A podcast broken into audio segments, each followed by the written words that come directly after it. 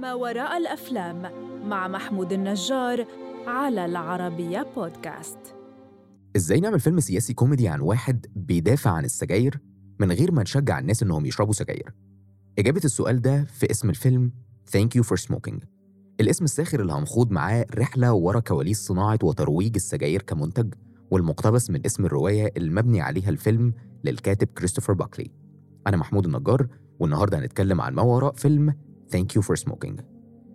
المخرج جيسون ريتمان بيفتح الفيلم بمقابلة تلفزيونية أشبه بمناظرة مع البطل نيك نيلر المدافع عن السجاير وطفل عنده cancer في الرئة ومجموعة مختلفة من الناس المعارضة للسجاير.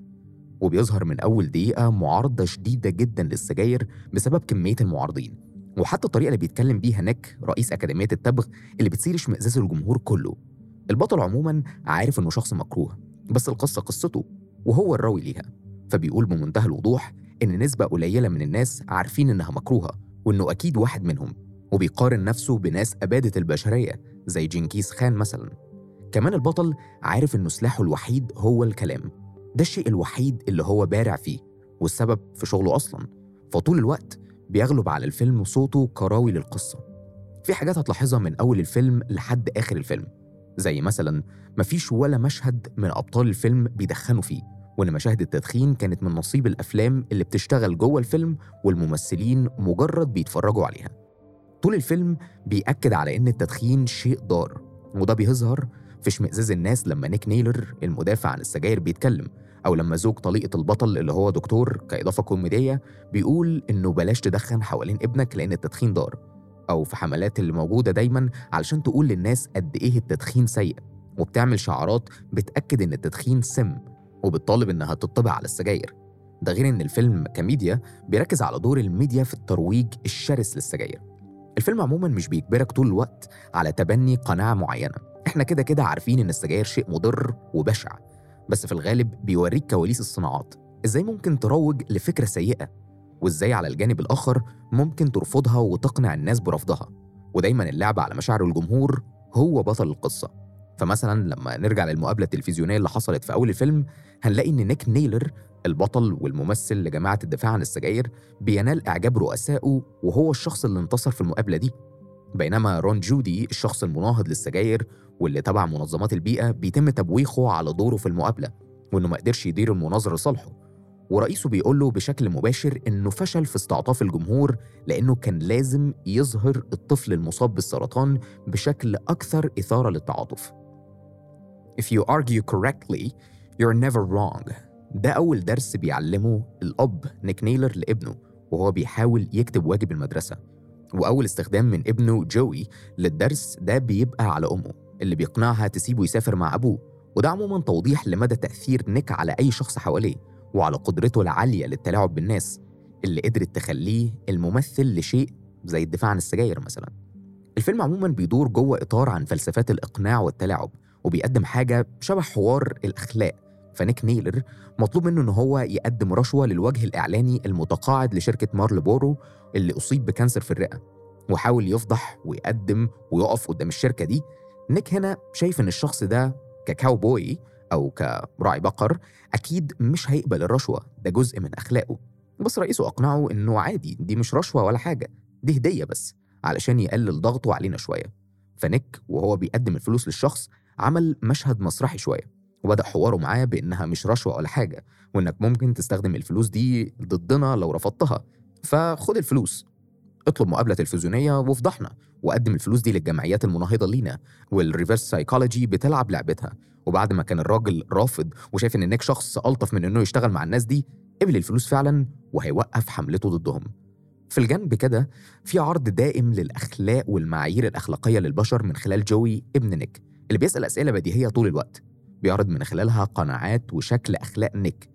نيك عموما معترف طول الوقت إنه مش صاحب أحسن بوصلة أخلاقية وإن كل اللي بيعمله إنه بيدي حرية الاختيار للعالم بس علشان ما ينفعش يبقى العالم عموما بيقرر لك حتى لو كان قرار العالم صح. نيك بيتلقى على الهواء مباشرة تهديد بالخطف وبيتخطف فعلا والأشخاص اللي بيخطفوه بيقرروا يغطوا جسمه بلزقات نيكوتين بكثافة كافية إنها تقتله ك overdose نيكوتين. بس نيك ما بيموتش. وكتغيير غريب في الأحداث الدكتور بيقول له إن اللي أنقذه من الموت إنه أصلا شخص مدخن. وهنا القضية بتتقلب كليا علشان نيك معاه ورقتين ضغط مهمين جدا على الرأي العام. أولا إنه ضحية قدام العالم.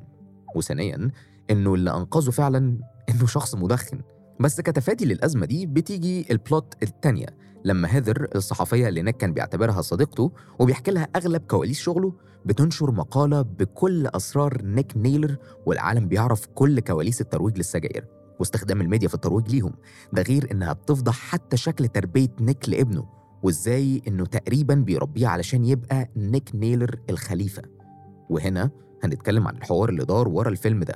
الفيلم مأخوذ أصلا عن رواية Thank You for Smoking للكاتب كريستوفر باكلي بعد إصدارها اشترى حقوق ملكيتها الفنان ميل جيبسون علشان كان شايف نفسه كممثل مناسب جدا لدور نيك نيلر. بس للأسف ما قدرش يطلع بسكريبت مناسب للعمل واللي قدر يطلع منها بسكريبت مناسب كان جيسون ريتمان مخرج الفيلم.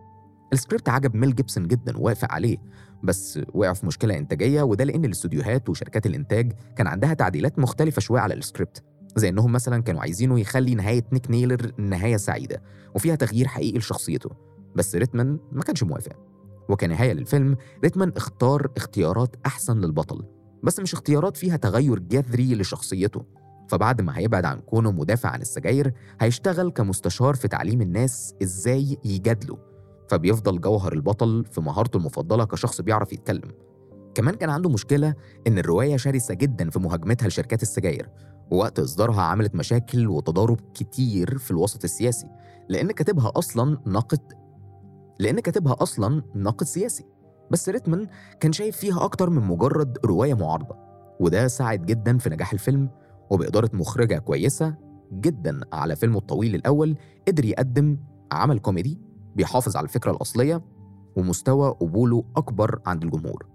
اللي ساعد ريتمان في ده إنه كان شايف نفسه في كتابة كريستوفر باكلي في الرواية اللي مبني عليها الفيلم فاختار مكانه الصح وقدم تجربة ناجحة على مختلف المستويات. الفيلم أخيرا خرج للنور لما ريتمان قدر يقابل ديفيد ساكس مدير شركة PayPal واللي مول أغلب ميزانية الفيلم ب 8 مليون دولار وبمنتج لأول مرة في تاريخه ومخرج لأول مرة حققوا أكتر من 39 مليون دولار كأرباح. الفيلم ترشح لجوائز مختلفة الإخراج والتمثيل وحتى الموسيقى التصويرية. بس نصيبه من الترشيحات أو الجوائز ما كانش كبير بما يكفي. بس بشكل عام قدر ينال إعجاب الجمهور والنقاد وتوصف بأنه عمل خفيف على الرغم من كوميديته السوداء. دلوقتي محتاج أعرف منك هل ممكن تتفق مع نيك نيلور في قناعاته أو آرائه وإصراره على إنه مجرد بيطالب بحرية اختيار الناس؟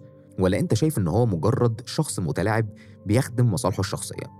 واستناني الحلقة اللي جاية في حلقة جديدة من بودكاست ما وراء الأفلام علشان نحكي عن ما وراء فيلم جديد بمنظور مختلف منظور ما وراء الأفلام.